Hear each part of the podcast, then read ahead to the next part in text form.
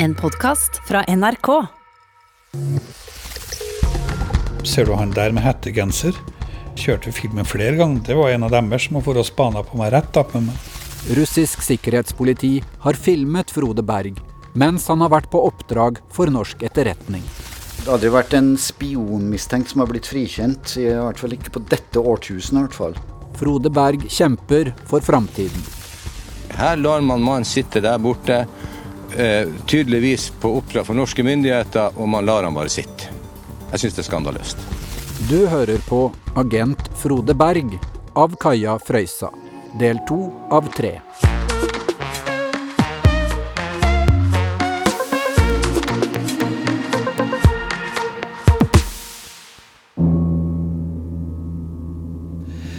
Oi, hva sier jeg nå, da? En som ba meg om å sende penger når jeg kom hit til Moskva.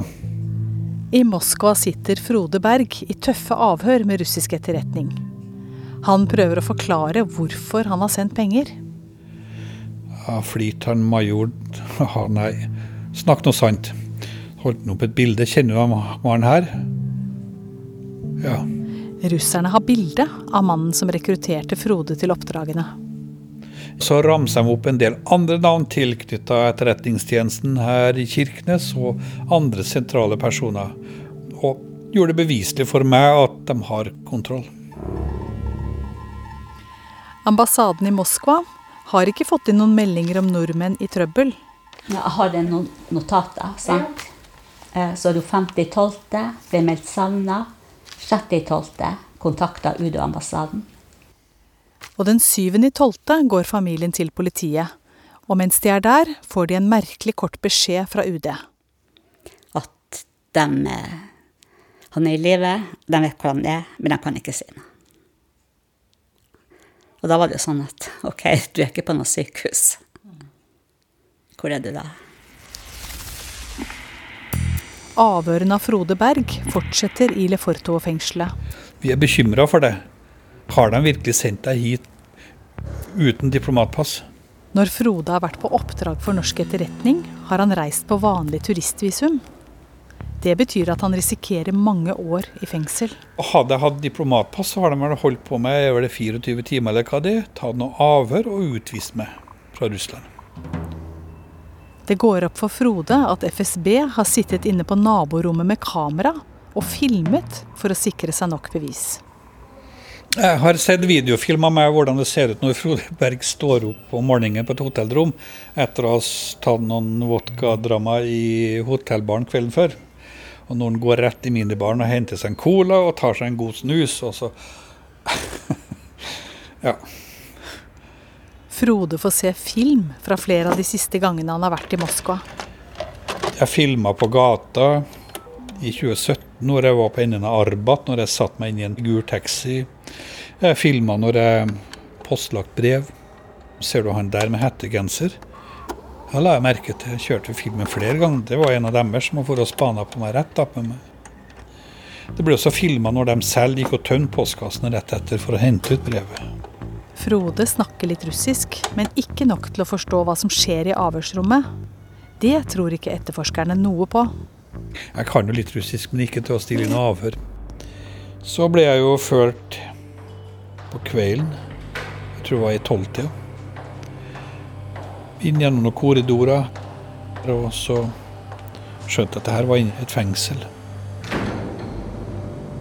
Lefortovo er et høysikkerhetsfengsel for spesielle saker. Her er det fanger som sitter inne for terrorplanlegging, drap og spionasje.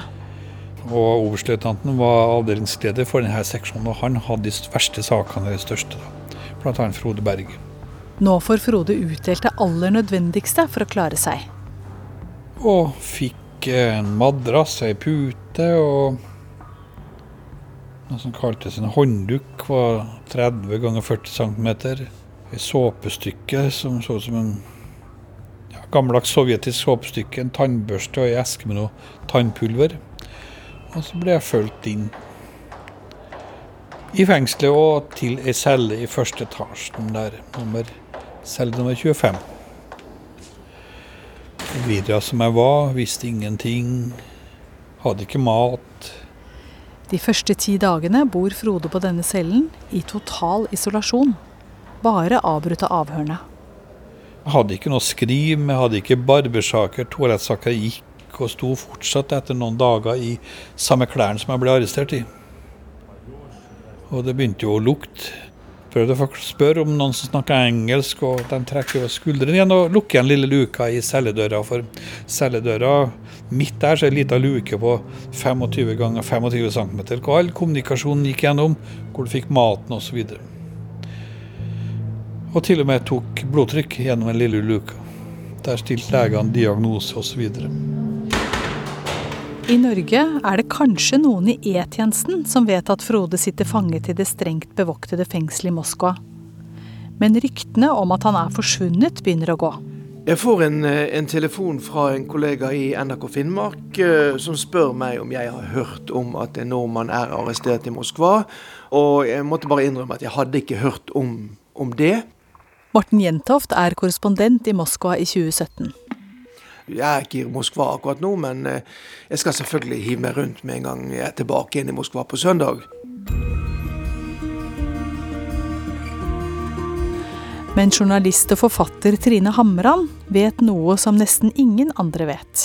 Jeg syns det er rart at jeg ikke hører noe fra han. Jeg vet at han er i Moskva, og jeg vet at han er på oppdrag for E-tjenesten.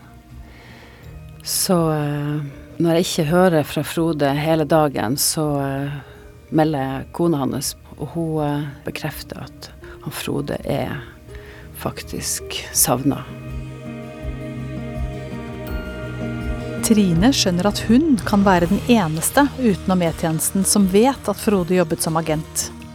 Og jeg lurer veldig på hva skal jeg gjøre nå? Hva gjør jeg med den informasjonen som han Frode har gitt til meg? I Moskva går de første dagene i fengselet sakte. Frode får tildelt én advokat av sikkerhetspolitiet. Men denne advokaten tar Frode i forsvar i avhørene, så han blir raskt byttet ut med en annen. Jeg hadde fortsatt så trodde jeg at jeg skulle ut snart, at her kom noen redningsaksjon. Så jeg bodde ganske nære sentrene der vakta satt. Jeg hørte Hver gang telefonen ringte, så tenkte jeg liksom Å ja, nå er det. Nå skal de hente meg og går celledøra opp. Peker på meg. 'Ta pakk tingene dine og kom her'. Og jeg var utrolig kjapp med å bare hive det lille jeg hadde, inni madrassen og rulle sammen og, og, gå ut. Jeg var helt sikker på at jeg skulle hjem. Og så sa han 'nei, du, kom her'.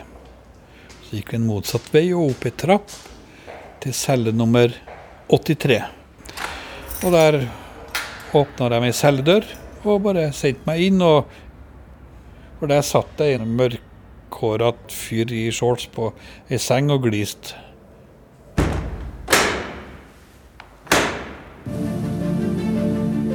Først etter at Frode Berg har vært fengslet i tre uker, sprekker nyheten om at han er blitt fengslet for spionasje.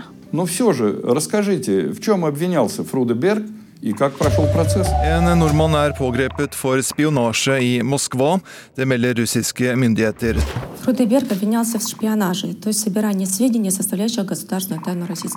Den russiske statsadvokaten sier at de har sikre bevis for spionanklagen. Som mener at nordmannen skal ha gitt informasjon til både norske myndigheter og til CIA. Våre folk i Moskva har vært på besøk eh, i fengselet for å gi den bistand vi gir til nordmenn som blir fengsla i utlandet. UD sier at norske myndigheter har fulgt opp Frode Berg siden han ble arrestert. Utover det så kan ikke vi kommentere de, de påstandene som fremkommer i russisk media i dag. Fengselscella som Frode skal bo på, er bare på ni kvadratmeter. Og det er så vidt plass til to senger. Du har et skap, en liten benk, en vask, et toalett opp med utgangen og et kjøleskap med en gammel, ubrukbar TV oppå. Og det du hadde beveget deg på mellom de sengene, det var liksom fem skritt frem og fem skritt tilbake. 50 cm bredt. Her skal de to være sammen hele døgnet, bortsett fra én time lufting. Jeg har lyst på en kopp kaffe, sånn. Han hadde pulverkaffe og Ja, så blir det litt om reglene i fengselet og en del ting. Cellekameraten heter Oleg. Han er dømt for terror etter at han har forfalsket ID-papiret for russere som vervet seg til IS. Vi snakka egentlig ikke om saks skyld eller ikke skyld. Det er ikke noe privatliv for de to inne på den lille cella. Lyset står på døgnet rundt, så vaktene kan følge med. De gikk kontinuerlig bortover fløya. Det var ca. 10-12 celler hver, hvor de gløtta inn hvert femte minutt. I tillegg et kamera som de i sentralen satt og så på. Så det var overvåka hele tida. Et videokamera er plassert rett over inngangsdøren. Og rett nedenfor kameraet så hadde vi toalettet, så var det rett og slett et konisk rør som bare kom opp av gulvet. Med en vannkrane rusten på baksida.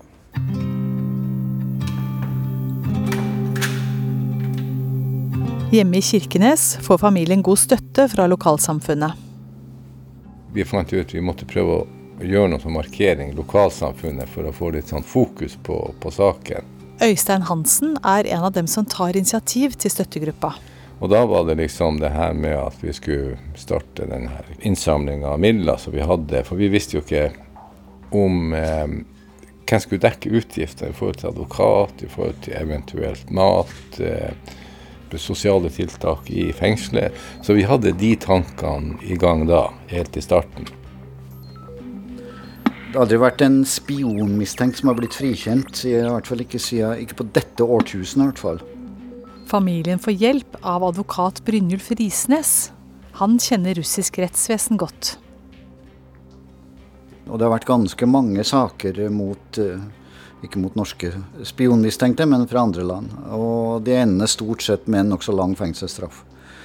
Dette sa jeg med en gang, at dette er farlige ting. Og at det var grunn for dem å ta dette veldig, med veldig stort alvor. da.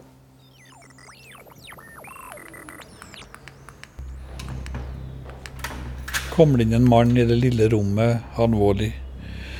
Mørkblå dress, hvit skjorte og rødt slips. Han mente at han var min advokat. Denne russiske advokaten er håndplukket av støttespillerne hjemme i Norge. Kona Anita har sendt meg en personlig beskjed som ingen andre enn hun kunne ha skrevet. At vi skulle møtes i Kjøllefjord, men det ble Tromsø. Og for det var ikke noe som ingen andre visste eller sånn kunne finne på å si. Frode skjønner opplegget og stoler på advokaten. Og det var at eh, du kommer på med bilen i Kjøllefjord på Hurtigruta. Og da skjønte jeg liksom det her. For han, han sa ikke det, de ordene de var på norsk, og han var skrevet ned. Han bare visste det til meg. Altså, vi ordna dokumenter samtidig med at som jeg skrev ned på at han var advokaten min. Jeg fikk en gjenpart, at vi sa opp den andre som FSB hadde utnevnt. Rett før den russiske høytiden blir Frode innkalt til et lite møte med han som er ansvarlig for saken hans dro enda opp ei lita flaske konjakk, at vi kunne feire det og si skål til hverandre og for, og, for nyttår og jul. Jeg var sint. Fortsatt.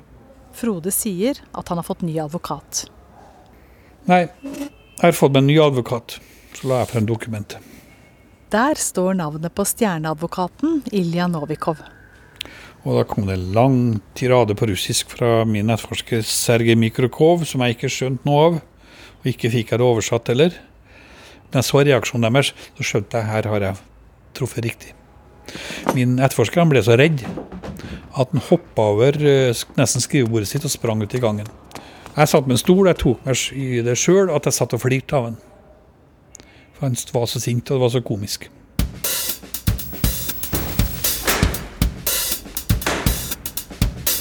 I Kirkenes samler lokalsamfunnet seg til fakkeltog for å støtte familien rett før nyttår. Det var jo også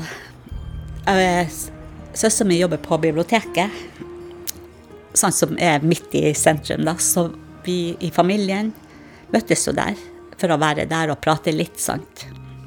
Og vi kikker ut, vi ser ikke så mye folk, det blir ikke så mange. Men vi skal nå gå ut. Og så kom, går vi ut sidegangen gangen der, og så kommer vi ut, og så står det tett i tett i tett med folk med fakler. Et stille tog til støtte for spionsikta Frode Berg. Å bevare den freden og få Frode hjem. Han er en fredsbygger. Det er et synlig tegn på støtte? Det var sterkt. Det var Det var Ja, helt utrolig. Sånn, og til og med min gamle mor var ute og gikk. Sant? Og vi gikk i tog, hele familien. Utpå nyåret får Frode Berg for første gang et glimt av omverdenen. Ankesaken hans blir behandlet, og NRK og Aftenposten får overraskende slippe inn i Moskva byrett. Korrespondent Morten Jentoft. Der står altså Frode Berg inne i et sånt glassbur bak oss. Og vi ser jo at det er en fortvilet mann som står der. Den kom smilende inn og nikka og hilste på meg, og det er kanskje like så sterkt. Og eh, jeg går jo da bort til glassburet også og prøver å spørre han hvordan han har det. Det er en liten sånn åpning, så du kan så vidt kommunisere der. må jeg huske så godt at Morten Jentoft, som eh, sa at hei, Frode, vi skal følge saken din. Vi skal følge saken din, gjentok han. Det glemmer jeg aldri.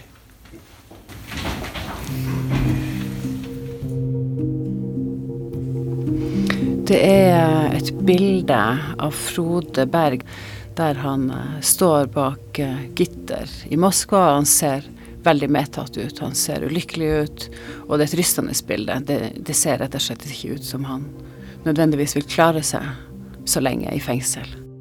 Journalist Trine Hamran er i sterk tvil om hun skal gå ut med at hun vet at Frode har jobbet for E-tjenesten. Og jeg sitter igjen med en veldig sterk følelse av at myndighetene ikke gjør nok, og at uh, jeg må bidra til å legge press på myndighetene. Men Trine er også bekymret for å gjøre noe galt.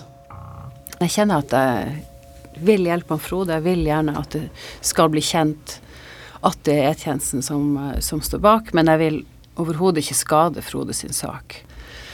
Så det var en veldig merkelig stemning med å sitte på denne informasjonen som man hadde en sterk opplevelse av at E-tjenesten og myndighetene ikke ønska skulle komme ut. Etter nesten to måneder får Frode lov til å ringe hjem til Anita for første gang. Da gikk første samtalen i orden. 30.1.2018. Da var Anita faktisk ikke hjem. Anita ser bare mange tall på telefonen. Og stemte at nei. Og avviser anropet. Og mens det avviser, så mener jeg at det står Moskva der. Og så tenkte jeg jeg håper telefonen ringer igjen, og det gjorde den jo.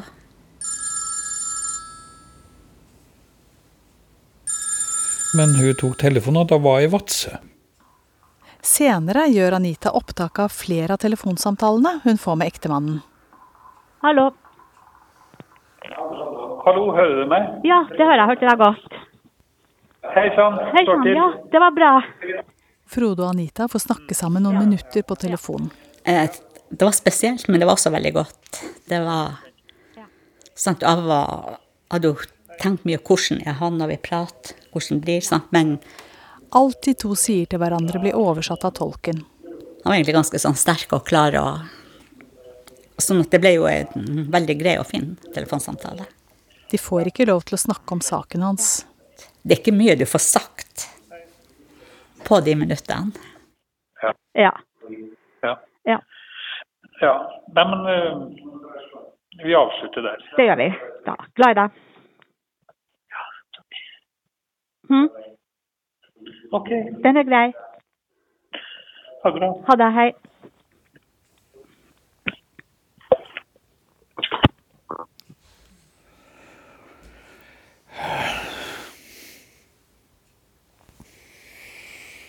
Det blir jo litt sterkt.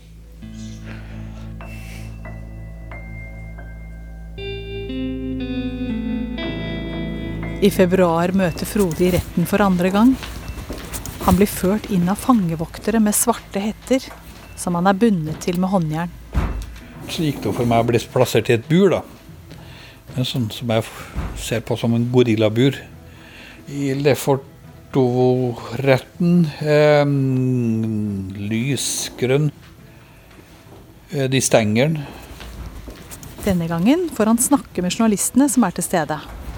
Nå har Frode Berg sittet to måneder nesten totalt isolert i et russisk høyrisikofengsel. Jeg er beskyldt for noe som jeg ikke har gjort. Jeg har ikke anelse når jeg kom til Moskva 4.12.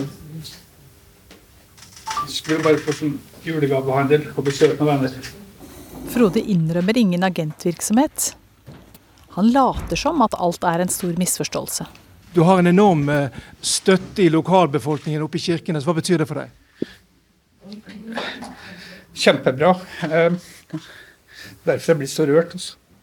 For jeg vet hva som foregår oppi der. Og for Frode Berg gikk veien tilbake til varetekt og isolasjon i nye tre måneder. Det var et sjokk å se han, og jeg ble sint. På måten han ble fremstilt på, som et dyr i bur.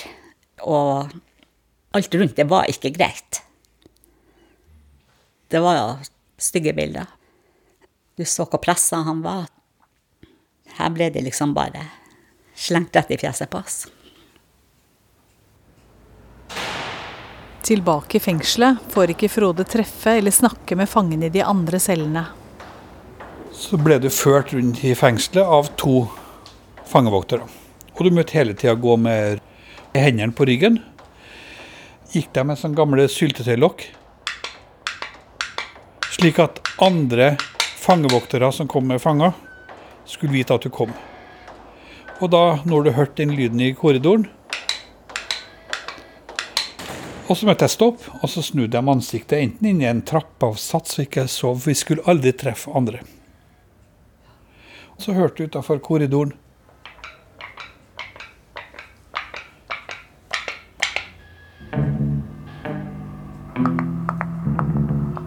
Det blir lange dager i fengselet, og Frode har mye tid til å tenke. Det var et hat og et sinne og hevn. Jeg var redd selv. Frode er sint på E-tjenesten, som han føler ikke stiller opp for ham. Jeg var forbanna, jeg var skuffa. Forferdelig sint. Det var noen tårer til å begynne med. Hva har det her gått ut på? Har jeg blitt ofra? I Norge tror folk fortsatt at dette er et spill fra russisk side.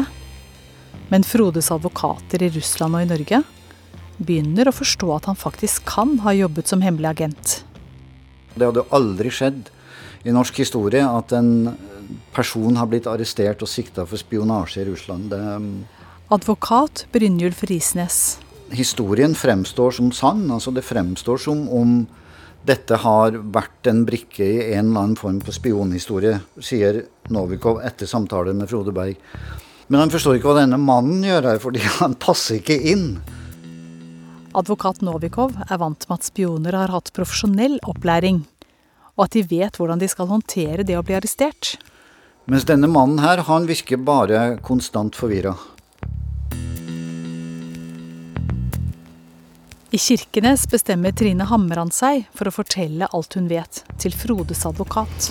Jeg forteller de tingene som Frode har fortalt til meg, og han Brynjulf sier at det her er jo alvorlig og, og graverende, så at det burde dokumenteres. Og jeg sier at ja, jeg skriver faktisk logg hver dag. Jeg skriver ned alt som skjer i denne saken, og har også skrevet ned alle de tingene som Frode fortalte meg. Og, og da falt jo på en måte i hvert fall alle forbehold bort i forhold til om dette var sant eller ikke. Med Trine Hamran som et sannhetsvitne er tiden inne for å gå ut med det de vet. At Frode Berg har blitt brukt av norsk etterretningstjeneste på oppdrag i Russland. Og du kan si at det som hadde vært 90% sikkert, ble liksom 99% sikkert. Spionsiktede Frode Berg sier han var på oppdrag for norsk etterretningstjeneste, men norske myndigheter forholder seg tause, noe støttegruppa reagerer på. Her lar man mannen sitte der borte, eh, tydeligvis på oppdrag for norske myndigheter, og man lar han bare sitte. Jeg syns det er skandaløst. Det har gått fem måneder siden arrestasjonen utenfor hotell Metropol i Moskva. Folk i Kirkenes reagerer både med fortvilelse og sjokk på at Frode Berg har innrømma og hatt oppdrag for norsk etterretningstjeneste i Russland. Kona Anita får også bekreftet det hun har fryktet. Nei, det var jo et nytt sjokk. Eh, jeg ble vel sint. Hva er det her for noe, sant? Og jeg vet ikke, altså, at ting bare var kaos hele tida. Det var veldig vanskelig å forstå hvor stort det er, og hva er det her? I Kirkenes står lokalsamfunnet fortsatt støtt rundt familien. Jeg fikk klemmer, klapp på ryggen. Jeg fikk masse hjelp og støtte. Sånn som gjorde at man faktisk klarte å holde seg oppreist i det her. Venninner sånn, som dro meg med på butikker, på kafeer. Sånn, så jeg var synlig hele tida i det her. Jeg satt ikke bare hjemme. Jeg var ute og gikk. Men klart, det, jo, det var jo påkjenning. Det var det. Mange ganger når man kom hjem, sånn, så kom følelsene. Og hva står det oppi? Vi hadde ikke tatt stilling til skyld, ikke skyld. Om man var på oppdrag eller ikke oppdrag. For Øystein Hansen og de andre i støttegruppa er det også overraskende at det faktisk er hold i spionanklagene. Men det endrer ingenting på arbeidet deres for å få Frode hjem. Det var det jo like viktig at han Frode måtte komme hjem. Og ikke minst det her at familien trengte jo den Akkurat da trengte de jo virkelig den støtten. For da begynte jo ryktene å gå, og spekulasjonene å gå på hvor dum går det an til å være. Men samtidig er det jo også sånn at han Frode er forsvarsmann. Så når jeg hørte det første gang, ja, så fikk jeg et støkk i meg. Men det gjorde ikke noe med motivasjon på at ikke vi skulle stå på til han var kommet hjem.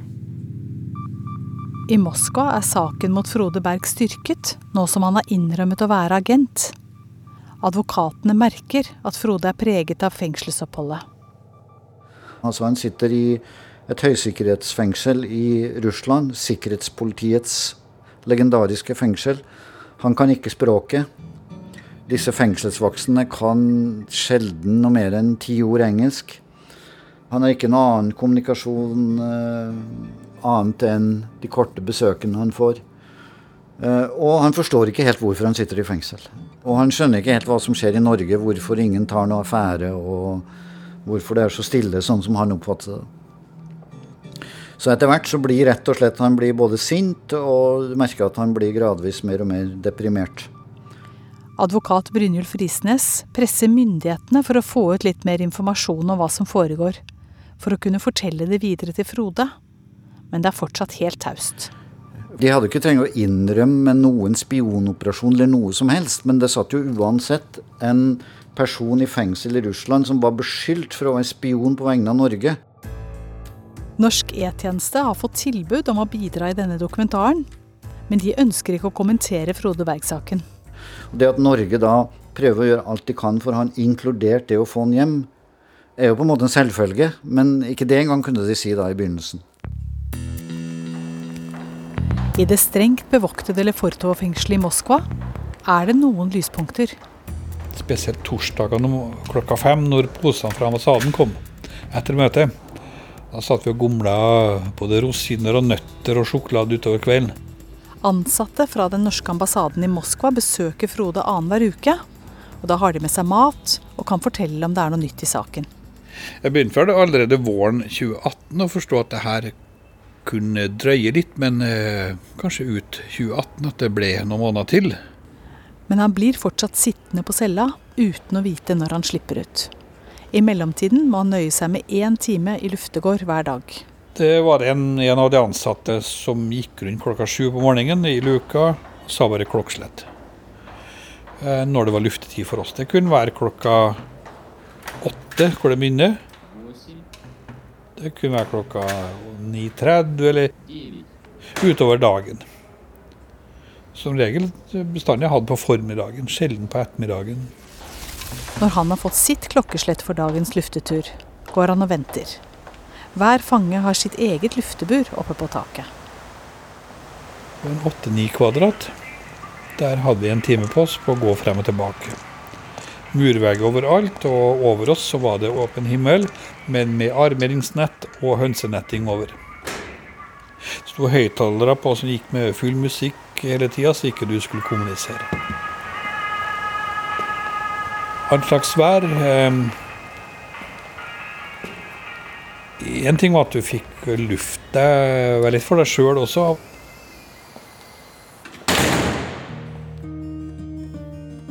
Etter at han tilstår, får Frode ringe hjem litt oftere og snakke med kona Anita. Jeg husker han flirte en gang. Jeg spurte liksom at er dere ute i noe fellesareal?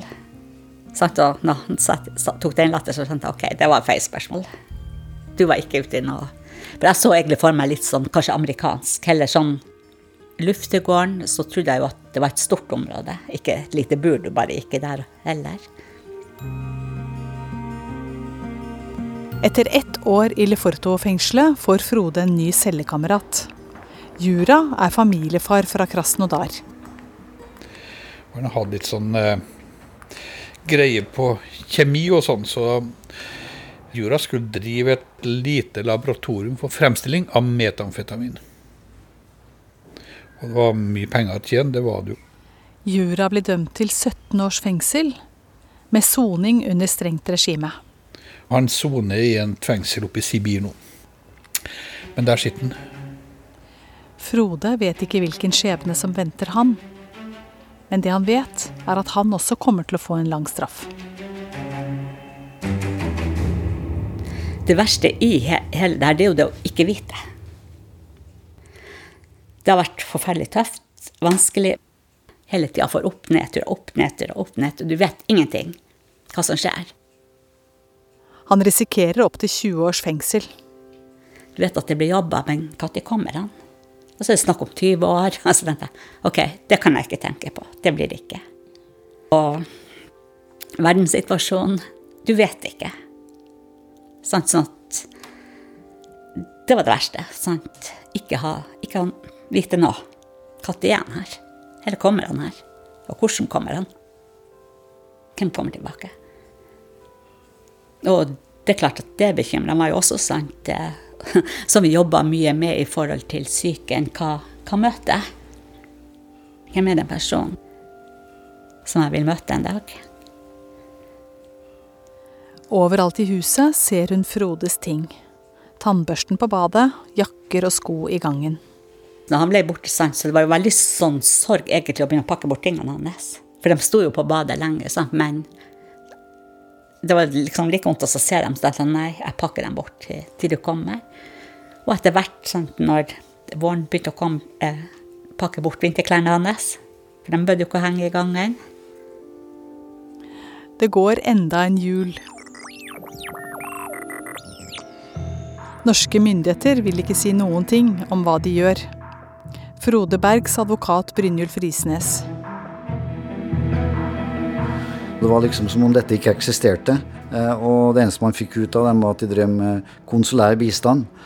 Jeg tror det var statsminister Erna Solberg som første gangen eh, hvor sannheten glapp ut med det at eh, vi gjør alt vi kan for å få Frode Berg hjem.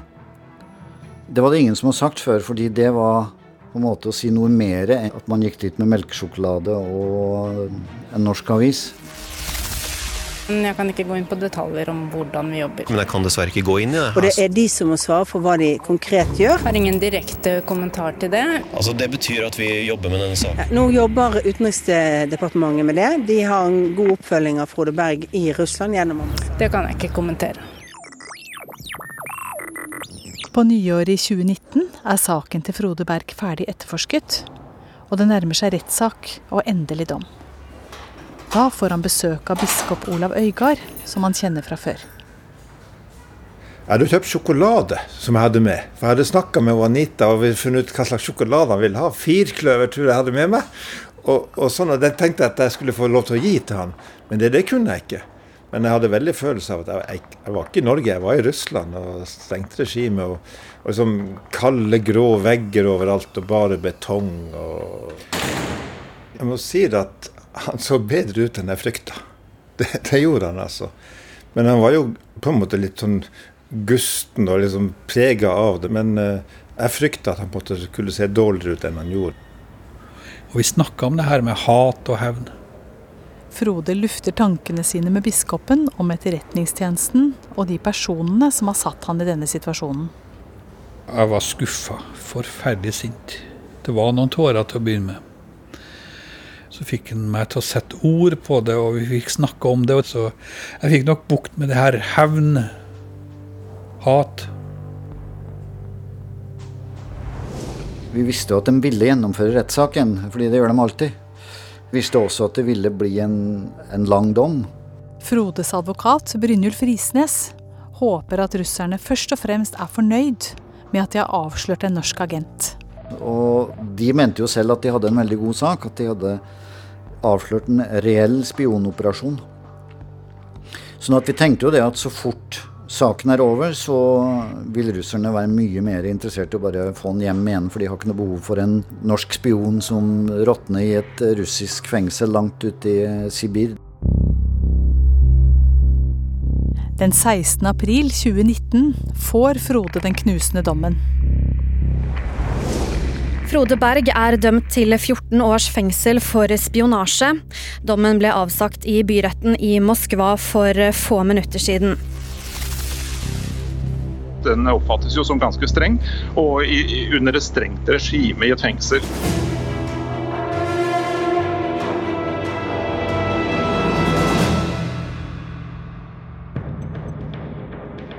Du har hørt den andre av tre deler om agent Frode Berg.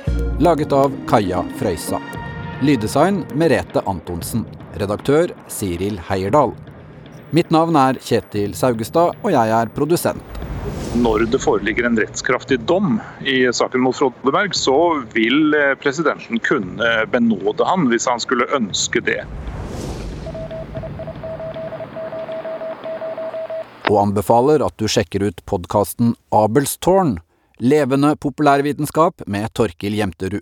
Du finner mye interessant i appen NRK Radio. Du har hørt en podkast fra NRK. Hør flere podkaster og din NRK-kanal i appen NRK Radio.